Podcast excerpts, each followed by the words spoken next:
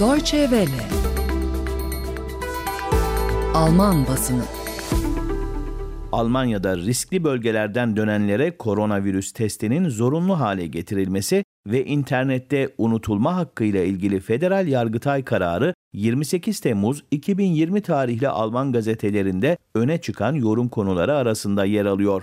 Sayın dinleyiciler, Berliner Zeitung gazetesinden koronavirüsle ilgili bir alıntıyla başlıyoruz basın özetlerimize. Yorumda riskli bölgelerden gelip de koronavirüs testini reddedenlere nasıl güveneceğiz? Bu kişilerin tüm kurallara uyarak iki hafta boyunca evde kalacağından nasıl emin olabiliriz soruları yöneltiliyor ve bu sorular ışığında devamla şu görüşlere yer veriliyor. Başka türlüsünün getirisi yok. Koronavirüs testleri zorunlu hale gelmek zorunda ki ancak o şekilde bütün halkın korunması mümkün olacaktır. Şimdiye kadar testlerin zorunlu hale gelmesi bireylerin özeline müdahale olacağı iddiasıyla reddediliyordu. İyi de her birey yeni enfeksiyon zincirlerine yol açıyorsa bu özel değildir. Test insanlardan beklenmesi mümkün olan bir kısıtlama. 11 Eylül saldırılarından sonra da havalimanlarındaki güvenlik kontrollerine alışmıştık. Der Neue Tag gazetesi de Almanya'da havalimanlarında, sınırlar ve tren garlarında koronavirüs testleri yapılmasının zorunlu kılınmasını destekleyen bir yoruma yer veriyor. Tatil başlayalı şunun şurasında 3 gün oldu. Eğilim, çoğunluk için durum kötü sonuçlanacağı benziyor. Buna karşı yardım edecek tek şey zaruriyet.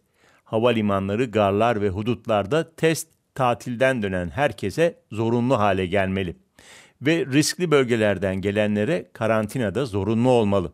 Zorunluluk elbette bireylerin kişilik haklarına müdahale demek. Ancak bütün insanların korunması göz önünde bulundurulduğunda meşru. Koronavirüs sadece bir hata yapmamızı bekliyor. Pandemi döneminde yurt dışına seyahat etmek çok büyük bir hata. Bu konuyla ilgili son yorumumuzu Kölner Stadt Anzeiger gazetesinden aktaracağız. Yorumda Almanya'ya tatilden dönenlerin testin masraflarını da bizzat üstlenmeleri gerektiği savunuluyor.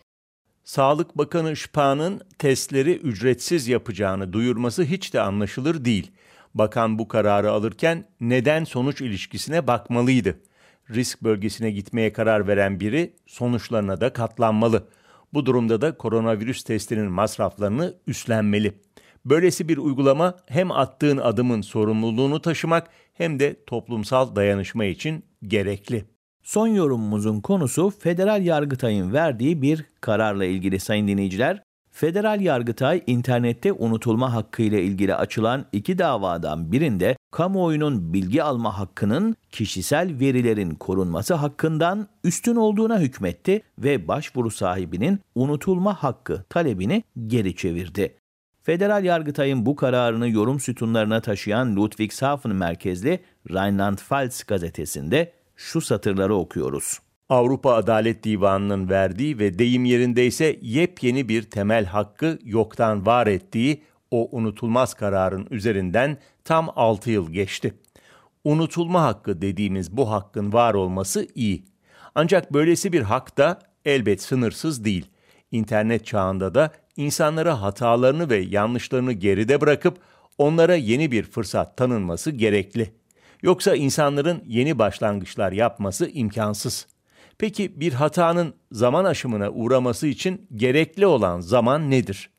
Yargıtay somut bir olay üzerinden baktı ve dedi ki bu olayda 9 sene zaman aşımına yeterli değildir. Alman basınından yorum özetlerini dinlediniz.